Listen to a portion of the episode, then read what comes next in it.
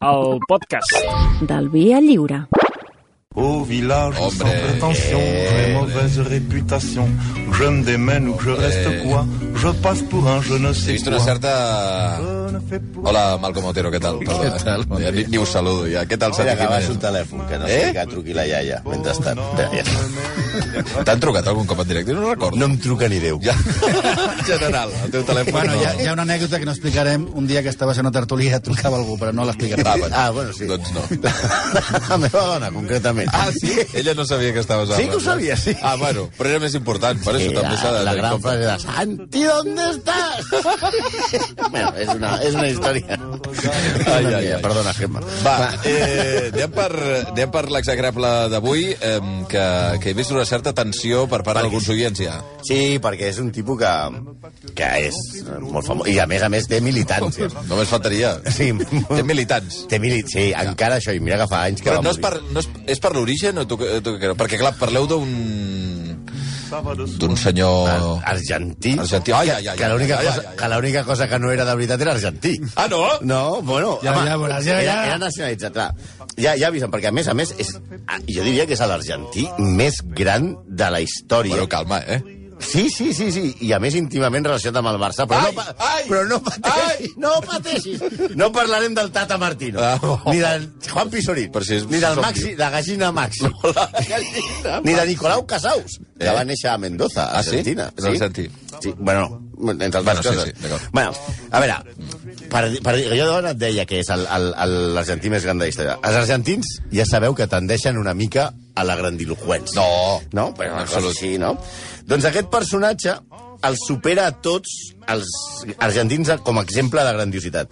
A veure, quan un argentí et vol deixar clarinete que algú ha estat immens, extraordinari, sensacional, colossal, indiscutible, espaterrant, no diu mai que fulano estuvo como el Papa Francisco. No. No diu, estuvo como Maradona. No. Bueno, no. No diu, estuvo como el Che. No. Ni diu, no estuvo como Messi. No. No diu, estuvo como Ernesto Kaiser. No. no. Tampoc diu, no estuvo como Cayetana Álvarez de Toledo. No, no. El tio, l'imaginari popular argentí que el supera a tots junts... Per és el... dir que una cosa ha, ha estat brutal, eh? Clar, és quan un argentí et diu estuve Gardel. quan diu estuve Gardel és que l'escala d'ego Ja. s'ha anat a prendre pel sac. Ha rebentat. fotut el Sí, a de la- a l'incendi aquest de Califòrnia que Re. estava esperant, res. Sí, estuve Gardel. Estuve Gardel. Gardel probablement va ser amb Rodolfo Valentino i Charles Chaplin l'humà bípede més famós del planeta als inicis del segle passat. Un fenomen musical, cinematogràfic, social, que només es podria comparar ara mateix amb la Beatlemania. Va ser l'inventor del videoclip. Apa. Sí, senyor, ja ho veuràs. Gardel va ser un home amb un origen misteriós i amb una mort tràgica que va commoure el món amb una teoria de conspiració inclosa, que ens encanten aquestes coses, un tipus que el que la UNESCO va registrar la seva veu en el programa Memòria del Món, bé, Memory of the World, en el que preserva els documents que explicaran als humans de dintre de milers d'anys, o als alienígenes quan ens envaeixin, com era la nostra societat. I allà hi ha Gardel. Allà es trobaran la veu de Gardel.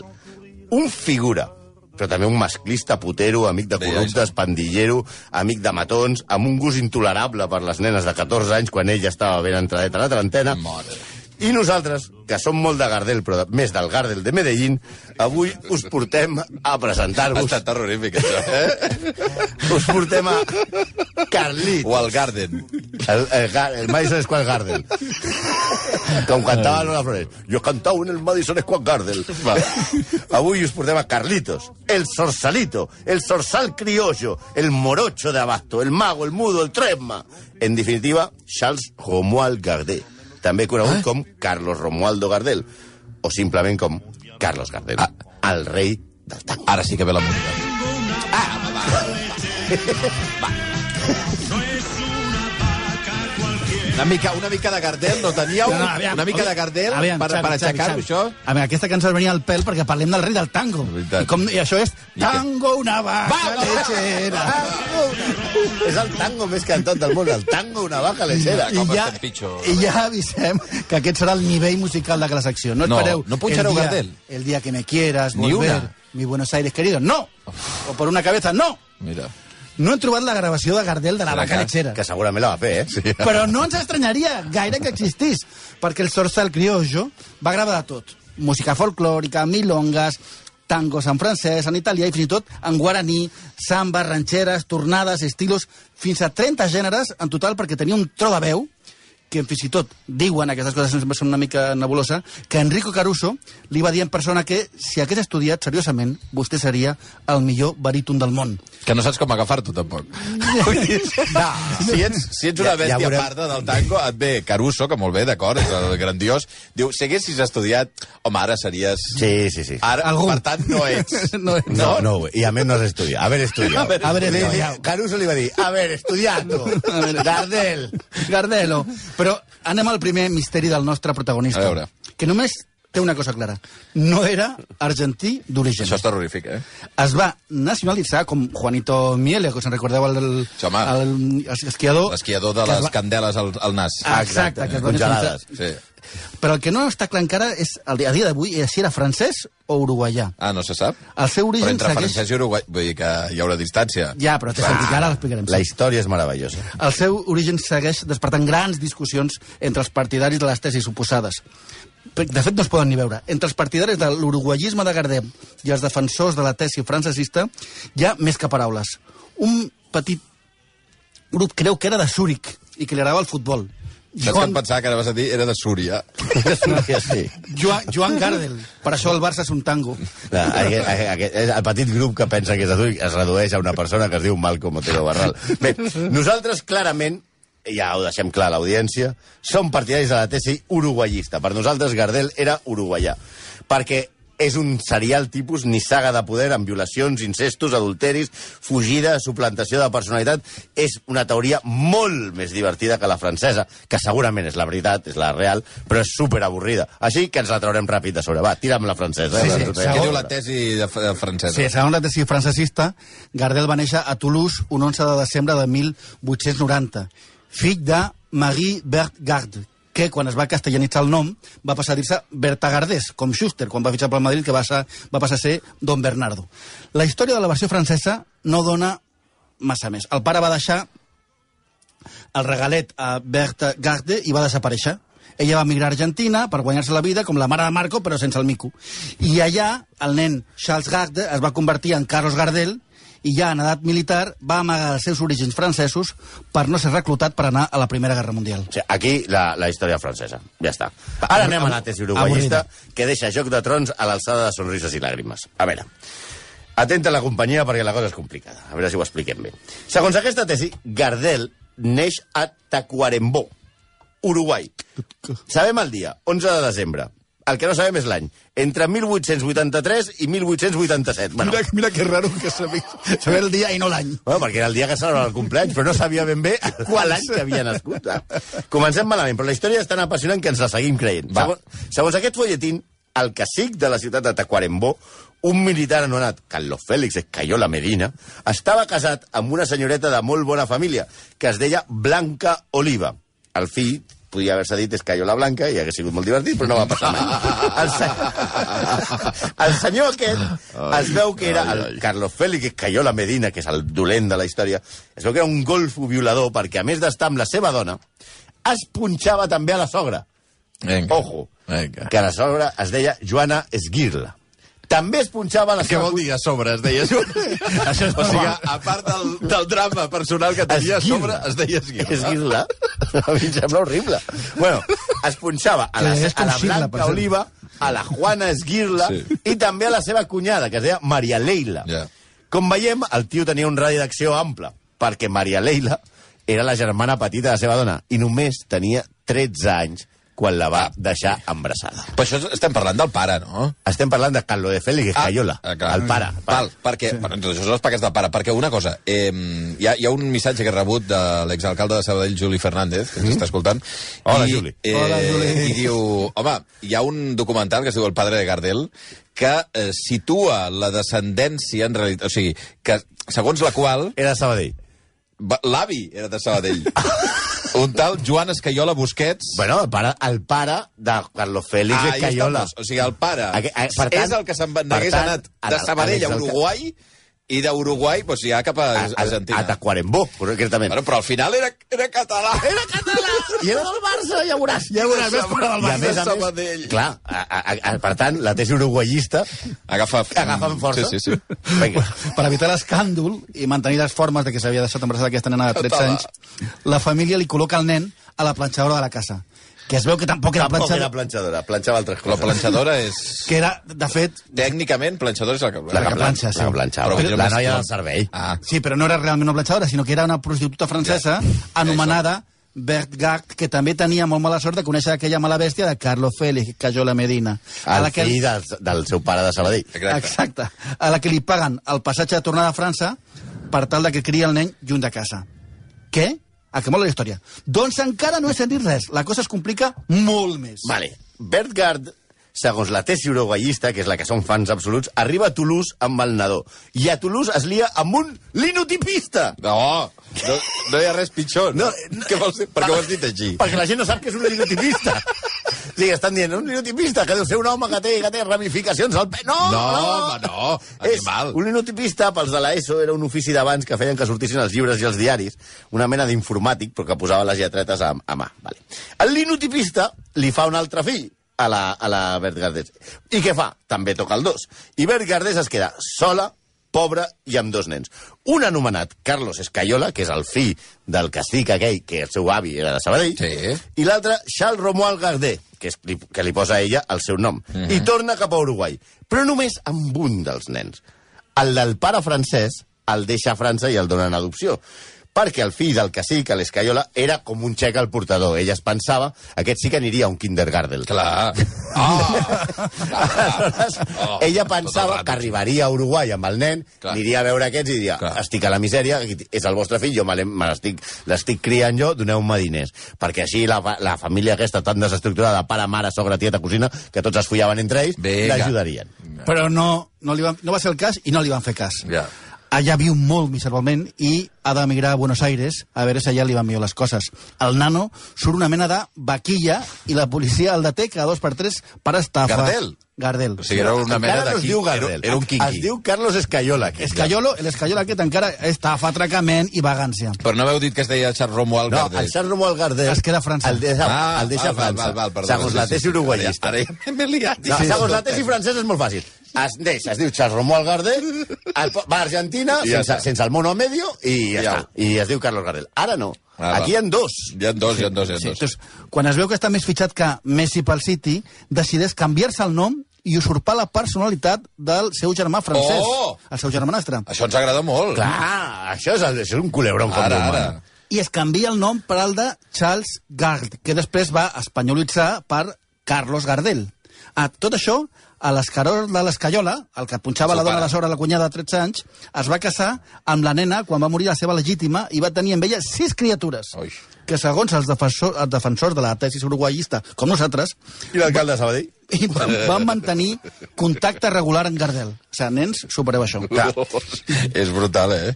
Gardel sempre, sempre, sempre va ser reticent a respondre quina era la seva nacionalitat real. Bueno, perquè si deia la veritat estava dient que li havia fotut la, el nom al germà Exacte. a la distància. Però pensa que un tio que va donar milers d'entrevistes. Eh, vull dir que, però el que sí és cert és que a Berta Gardés, a la seva mare, sempre la va tenir com, com una reina. Era com la Tamara de Margarita Seis Dedos. Ah. Això és un himne, eh? Per fi han sortit aquí. Les hermanes Gocci. Això ens dona pas a poder parlar del tango, de l'èxit brutal del Gardel. Però a veure, eh, aquí hi ha molta gent que ja entén de tango. Ai, i- ai, ai, ai, ai, ai, ai, que s'està complicant coses que estic rebent. Ara us ho explicaré. Quan tingui les dades, estic rient molt, ja, eh? A veure. Amb la... Oi, oi, oi, oi, oi, oi, oi, oi, oi, si és veritat que igual hi ha un familiar de Carlos Gardel, no només sabadellenc, Què dius? no només eh, català, evidentment. Català! Català, sinó que, a més a més, podria treballar en aquesta emissora! Dius? truqui, que truqui ara mateix! Exclusiva. Ai, ai, ai, ai, ai, ai, ai, ai, ai. Ai, ai, ai, ai, ai. Però per la tesi Ai, que uruguayista em moro. o per la tesi... La, suposo que la uruguaiesta, perquè és la que té a veure amb Sabadell. Ai, ai, ai, ai, ai, ai, ai, ai, això, és, ai, això és tremendo. Bueno, Ai, ai. a veure, parlem del tango. Ai, que em Aquí hi ha moro. molta hi ha molta literatura sobre el tango, que eh, hi, ha més, hi, ha més, hi ha més documents sobre, sobre el tango que, que sobre el procés. Així que farem una explicació molt breu, que serà un Gardel tango per a dumis. Gardel, de petit, vivia en una zona xunga, xunga, no volem dir la zona armèdia, sinó que dolenta, plena de prostíbuls i teatres. Els dos locals que van marcar la seva vida. Va triomfar als teatres de tot el món i li agradava més una casa de putes que un nen l'imaginari. De fet, quan va ser milionari, Comencis, ja. li va Quina regalar... porta, la gran o la petita? Depèn. Segons... Ja veurem que li, potser li agradaven més les portes petites que les grans. Vale. Eh, de fet, quan va ser ja milionari... prou, prou. Ja, Ho has, ho has preguntat tu, eh? Però jo he preguntat que... La porta gran o la porta petita? Vale. Li va regalar a la seva mare una casa de dos pisos que havia estat un antic prostíbul i ara és la seva casa museu que es pot visitar a Buenos Aires. bueno, bien costa. En aquell ambient, Gardel es fa un nom cantant a les cases de barrets i fent de claca, sí que d'aplaudidor, per un tal Pata Santa, que era com el Ui. cap de la grada d'animació als teatres de l'època. Si volies triomfar, als escenaris havies de tenir el Pata Santa a favor. Paganini, eh? Aleshores, ell enviava els seus xavals al teatre per enfonsar o per fer triomfar l'obra. Això li va permetre alternar a els millors artistes de l'època. Hombre, ara sí. Barça Vinga. És el crit que pels aires tremona. Ai, ai, ai. I entre aquests artistes que ell va coneixent quan feia de, de claca del Pata Santa, es fa molt amic del sensualista català Sagi Barba, Hombre. pare del que va ser mític jugador del Barça, Sagi Barba, i eh, tietavi dels mítics jugadors de la penya, Sagi Vela, per exemple. Eh, la, aquí comença la seva relació amb el club blaugrana, que el va fer tremendament popular a Barcelona, que Barcelona va ser la segona casa de Gardel. I Sagi Barba va ser qui li va presentar a Pepe Samitier, que seria un dels seus millors amics. Gardel, fins i tot a la cúspide de la seva fama, va arribar a cantar a la infermeria els jugadors lesionats del club blaugrana per animar-los. I quan estaven lesionats, Gardel baixava a la infermeria i els hi cantava tangos mentre els hi feien el missatge. Si això li arriba a passar els dies d'avui, amb Dembélés i un Titi, estaria cantant fins que se li acabés la veu, pobre Gardel. Venga, un Titi, te voy a cantar hasta que te recuperes. El cas, Ai, ai, ai. el cas que seguint amb aquesta història La del cara tango... de Ronald Koeman, eh? Però esto... Un titi! No, eh, el cas és que seguint aquesta història que estem fent del tango Ai, en 3 ai. minuts, és que Gardels triomfa molt, Cardels? Gardel. Gardel triomfa molt i Gardel passa... oro i Gardel plata. I d'aquí ve la cosa futbolística de la Gardela, no? La Gardela. La Gardela, clar. Eh? I passa d'actuar en clubs de, de llums a teatres sempre al costat de José Razzano. Eh. Gardel Razzano eren com el duo dinàmico. Los Pecos, Modern Talking, Messi Suárez... Però Razzano pateix una malaltia a la laringe i ha de deixar de cantar. Abans, però, es fan mega famosos, mega famosos. Actuen per tot el món, els hi paguen una pasta i saben explotar l'argentinitat. A Argentina actuen vestits de smoking, però quan van a París o Barcelona ho fan amb ponxos i vestits de gaucho. Com quan, és una mica com quan Miguel Bosé es vestia de torero. Ja. Quan es queda sol, però amb Razzano de mànager, Gardel descobreix la potencialitat del cinema. I allà és quan ho peta de veritat. Perd pes, era molt atent a la seva, a la seva imatge, passava, va arribar a passar 120 quilos i passa a passar 76. Hosti. No se pierdan la dieta Gardel de la cocaïna. Ai! el Gardel de Medellín, i inventa un gènere en el que tots els crítics cinematogràfics, menys el Toni Garcia, dada que ens reforça Clar, nosaltres, evident. coincideixen en dir que és el protovideoclip. Ell filma una cosa que es deien tangos teatralizados, que es projecten als cinemes de tot el món amb un èxit al·lucinant. O sigui, d'aquí arriben les pel·lícules, que són un escàndol. Per exemple, Luces de Buenos Aires, estrenada l'any 1931, es va, exhibir tres anys seguits a Madrid, Barcelona i Nova York. El públic obligava els operadors de la sala a rebobinar la cinta després de que Gardel interpretés el, el tango Tomo y Ombligo.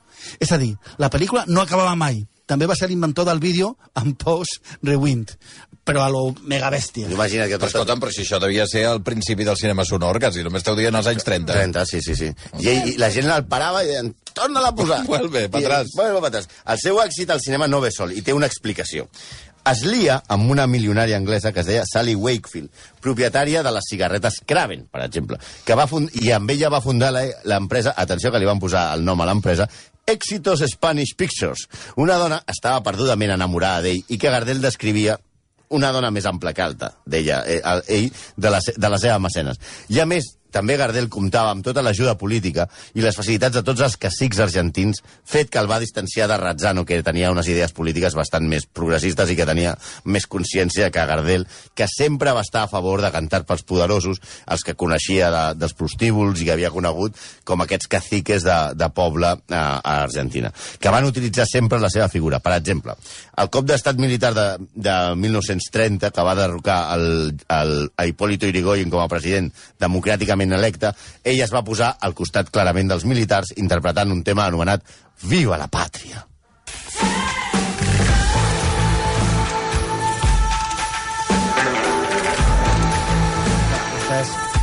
Tango in the Night de Fleetwood Mac, aquesta és molt bona. Per favor. Però, més enllà Aquesta de no les... és de Gardel, tampoc. O sigui, No, no, de no, Gardel no. Pa què? Pa què? Però si posa tango. Ja sé, bueno. I no hem posat l'anunci de la pilota, eh? Va, Però, però més enllà de la seva eh, vessant política, que venia dels bordells i cases de mala nota, on havia coincidit amb tots els polítics de Buenos Aires, la seva malaltia, la seva malaltia real, era la bragueta. El tango in the night, versió premium. Gardel mai va deixar de freqüentar els putiferis i va cometre la rada de la seva vida en un d'ells que gairebé li porta a la mort. Ai. Gardel era un habitual del Chantecler, que és a dir, que tots en aquella època a Buenos Aires, Bu- Buenos Aires volia ser París, i tots els jocs de moda es deien Petit Palais, Chantecler, Palais Glacé, Le Petit Pigalle, i el Chantecler era una, classe, una casa de putes que tenia una, casa de putes amb aspiracions. que tenia una madame que es deia la Ritana, Madame Jean o Janet, depenent del dia, amb la que Gardel es va llitar i es van fer amants. Però la Ritana era la dona d'un tipus bastant perillós, no es podia saber, que es deia Juan Garesio. I al tal Garesio no li van sentar, no li van sentar bé les banyes. I Garesio què va fer? En lloc d'enviar un burofax i fer les coses civilitzadament, que és el que fan els argentins, va dir-li a un dels seus laderos, que és com es diuen els guardesquenes, els guardaespatlles... Ah, sí? El la- Laderos. El ladero, perquè voy al lado. és molt bo, m'ha encantat això. És boníssim. I el ladero de Garesio es deia, atenció amb el nom, quedeu amb el nom, Roberto Guevara Lynch, que es carregués a Gardel. Atenció el nom, recordeu, Roberto Guevara Lynch. Així que a la sortida Home. de la seva festa d'aniversari, Roberto Guevara va disparar per l'esquena a Gardel i que va estar 5 minuts a palmar, perquè estava al costat de l'hospital. El van disparar i estava al costat d'un hospital. Però, o sigui, el va tocar la bala. Sí, sí, va, tenir, va viure sempre amb una bala al pulmó perquè Eh? no li van poder Tota treure la bala del Es va quedar al, al pulmó, la bala? Sí, sí, sí, oi, de, oi, oi, de oi. record. I dèiem el tanto amb aquest pistoler perquè va arribar a ser el tiet avi d'Ernesto Che Guevara, el Che, Oh, però si està tot... que aquí no tenia res a veure perquè no havia nascut, però és família. Gardel, Ja anaven per- amb la pistola. Exacte, ja li s'agradava. Era, era una família aquesta de pistoles. Gardel, per cert, es va recuperar a Montevideo, la nostra teoria agafa cos. I va contractar el Luca Brasi, Jason Bourne dels Laderos, un tipus anomenat Roger, Ruggiero, conegut com Rugerito, que va anar a veure a Garesio i Guevara i els va fer una oferta que no van poder rebutjar per tal de que deixessin tranquil al Tresma. perquè eh, no sabem si aquest Roger o Rogerito, que havia ser una mala bèstia, també era família del famós central del Real Madrid, Òscar Ruggeri, que podria... Que també, però això no ho tenim confirmat. Per acabar de destacar, i per acabar ja, destacar que fidel als seus orígens pederastes del golfo del seu pare, segons la nostra tesi i la de Sabadell, la única xicota formal que se li va conèixer va ser Isabel del Valle, una nena de 13 anys que va ser la seva nòvia quan ell tenia 34 i que la va acabar deixant davant els intents d'extorsió de la família de la noia. Ella deia en una entrevista, nunca reparé, anys després va dir, nunca reparé en eso de los 20 años de diferencia. Hòstia, A los perdó. 14 yo ya era una mujer en mi figura. Perdó. Imagina't. Però la idea de Gardel que tenia era una altra. Amb una carta al seu advocat, sota l'epígraf Asunto Isabel, escriu. És com de mail, eh, això? Asunto Isabel. Es asunto terminado. Si quiere conservarme como amigo, está bien. De lo contrario, les corto la respiración sin mandarle nada más. Oh. Si siguen cargándome, se quedarán sin el pan ni la torta. Bastante hago manteniéndola para que estas hijas de puta hagan trastadas a mi mamá, poner al hermano de acomodador en un teatro y que tengan un sueldo. Decí que va de mi parte. Oh, això és literal? Sí, això és una carta Textual, que ell eh? escriu ell al seu advocat dient treu, treu-me aquesta que la família m'està extorsionant perquè, total, Eh, m'estic m'estic poesia- follant... poesia pura, m'estic eh? follant a la seva germana que té 13 anys. Va. Sí, va, Poesia pura al missatge, eh? va, va tenir més nòvies, òbviament, però no estava molt interessat en les dones, tot i que no era homosexual com un dels seus guitarristes escampava. En una entrevista li, li, en una entrevista li van preguntar ¿Es usted partidario del divorcio? Y ell va respondre Debido a mi carrera no soy partidario del casamiento. Anava de castigador màxim i una de les frases era que Todas las mujeres valen la pena, pero darle exclusividad a una es ofender a las demás. Va, va morir Gardel als 45 anys, més o menys, perquè segons la nostra tesi tampoc sabem si va néixer al 83, al 84, al 85, al 87, en un accident d'aviació a Medellín. Veieu? El Gardel de Medellín. Ja Enmig som. d'una gira quan l'avió en el que anava a enlairar-se va xocar amb un altre al mig de la pista. La seva mort va commocionar el món. Va ser un drama tipus Torres Bessones. Va ser tal l'impacte mundial que fins i tot el govern colombià va canviar una llei per tal de repatriar el cos de Gardel quan la seva mare va trucar en persona al president de Colòmbia. A, a Colòmbia, un mort havia d'estar 4 anys al país abans de ser eh, traslladat. Als quatre dies, el cos de Gardel, en els 20 vagos i 3 caixes amb barrets, va iniciar un viatge de més de 6 mesos que va ser molt surrealista. Va, va anar amb mulo, cotxe de cavalls, tren i vaixell des de Medellín a Buenos Aires, passant per Panamà, Estats Units, Brasil, fins a arribar a Buenos Aires, on més de 40.000 persones el van rebre al port i el van portar fins al Luna Park, on al mig del ring de boxa va ser batllat per milers de persones que van cantar a viva veu els seus tangos entre llàgrimes. El dia següent va ser enterrat al cementiri de Chacarita. Va morir el 25 de juny i el cos no va arribar a Buenos Aires fins al 6 de febrer Oi. de l'any següent. Ja, Oi, canta, oi. ja cantava. Oi, ja, oi, oi, el, oi. van Cantava ensumar, el van ensumar. Por una cabeza, eh? Cantava por una cabeza. Cantava realment. La teoria de la conspiració sobre la seva mort, que existeix, no s'aguanta ni per nosaltres. Es va dir que l'accident d'avió es va produir perquè el seu soci Lepera, que és l'autor de tots els èxits de Gardel, I va, president, I dispar president del Betis. va, va disparar-le... Hem Però molt vintage, eh, aquest president del Betis, Va- que ja va morir, no? No, Pere, ja. No, No, espera. home, no. És immortal. Habemos ¿Seguro? fichado a Finidi, a De Nilsson lo estreno yo, el betisismo... En la UCI... No, no. ¿No? No, no, no. Pensaba que sí. Alfonso, hemos fichado a Finidi del Betis.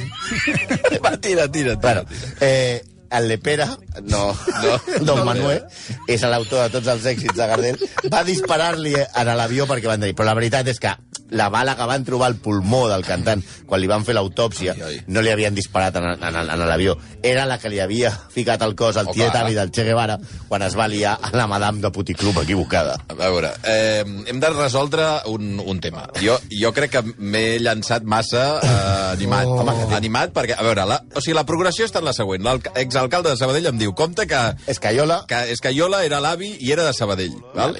I llavors he rebut un missatge d'un intermediari que m'ha dit compte que hi ha una persona de rac que potser és família. Qui és aquesta persona? I demano un aplaudiment. Hola, Maria Xinxó, bon dia. Hombre, Bravo! Bravo! Hola, hola, hola, Xinxó. A veure, eh, però crec que no l'hem ensapagat gaire, però, però, a veure, un moment. Però és que això és interessant de cara als sabadellencs i catalans en general. catalans, Sí. catalanes... Eh, ets família de Gardel? És la pregunta? No. No. Pues Vale, gràcies. adéu, bon dia. Següent, següent Bon dia. trucada. No, digues, digues. No sóc família de Gardel i no té res a veure amb, amb la meva família, uh, Carlos Gardel. Però sí que hi ha un altre cantant, i aquí ve l'error... La confusió de eh, l'intermediari. és- no sé si heu fet mai un... Exacte. Eh, La confusió de l'intermediària, en aquest cas, que és qui t'ha avisat i t'ha Sí. dit eh, cuidado que, que poden ser família, no és Gardel, sinó que és Machín. Machín! Era de Sabadell, Machín! Corazón loco. Ai, ai, ai. Què li... Però tu què et passa, Machín? No acabo de... A més, teniu una retirada, Maria Machín i tu. Sigui, teniu una caiguda d'ulls bastant semblant. pel color de pell. Sí, una, sí. una Sí, miqueta. sí, el color de pell també. Sí, sí, sí. Però què passa jo amb també tinc aquella morenor que tenia ell. Sí, no, no. natural. En realitat, què va passar aquí? El, la meva àvia treballava a Ràdio Sabadell, s'encarregava de, de la publicitat i tot això uh, fa molts anys. Uh, la meva àvia era vídua i em sembla que a través de Ràdio Sabadell un dia va conèixer l'Antonio Machín. Mm, I l'Antonio Machín li va fer gràcia, la meva àvia, mm, i llavors li va tirar la canya, suposo, doncs, en, a, com, com es devia fer en aquella època, cosa que la meva àvia va declinar. Oh. Per tant... Per això ets eh, blanca. Aquí va acabar tot. per això sóc blanca. Va, o sigui que va, va haver-hi un semi-afer entre la teva àvia i Antonio Machín a Sabadell. A Sabadell? O, o, bueno, no sé, a Sabadell. Sí, sí, home. Ah, exacte, A passejar bueno, sí, entenc que l'havia va ser a Sabadell, convidat... va ser a Barcelona, o, però sí, sí. Bueno, però, però se'l devia endur allà a l'Eix Macià. No devia ni ser. ni Compra. Sabadell. Compra Sabadell. doncs atenció a la- l'exclusiva de Xinxó, eh? Machín i Gardel units i per Sabadell i per Catalunya. Gràcies, Xinxó. Que es fotin els de Terrassa, eh? Una abraçada. Adéu, adéu. Haurien, haurien d'investigar Machín. Ara farem Machín, home. Farem Machín, que Ara, Machín, el de l'e- l'entrenador. Té, té, té una anècdota, una entrevista molt bona a Machín que li fan a, a, a Radio Madrid i li diu, y si alguien le quiere escribir, y diu, escriban Antonio Machín, Madrid, y me llegan las cartas. 11 i 10 minuts, execrables. Gràcies, eh? A vosaltres. Adiós, adiós, adiós. Monde viendra me voir pendu, sauf les aveugles, bien entendu.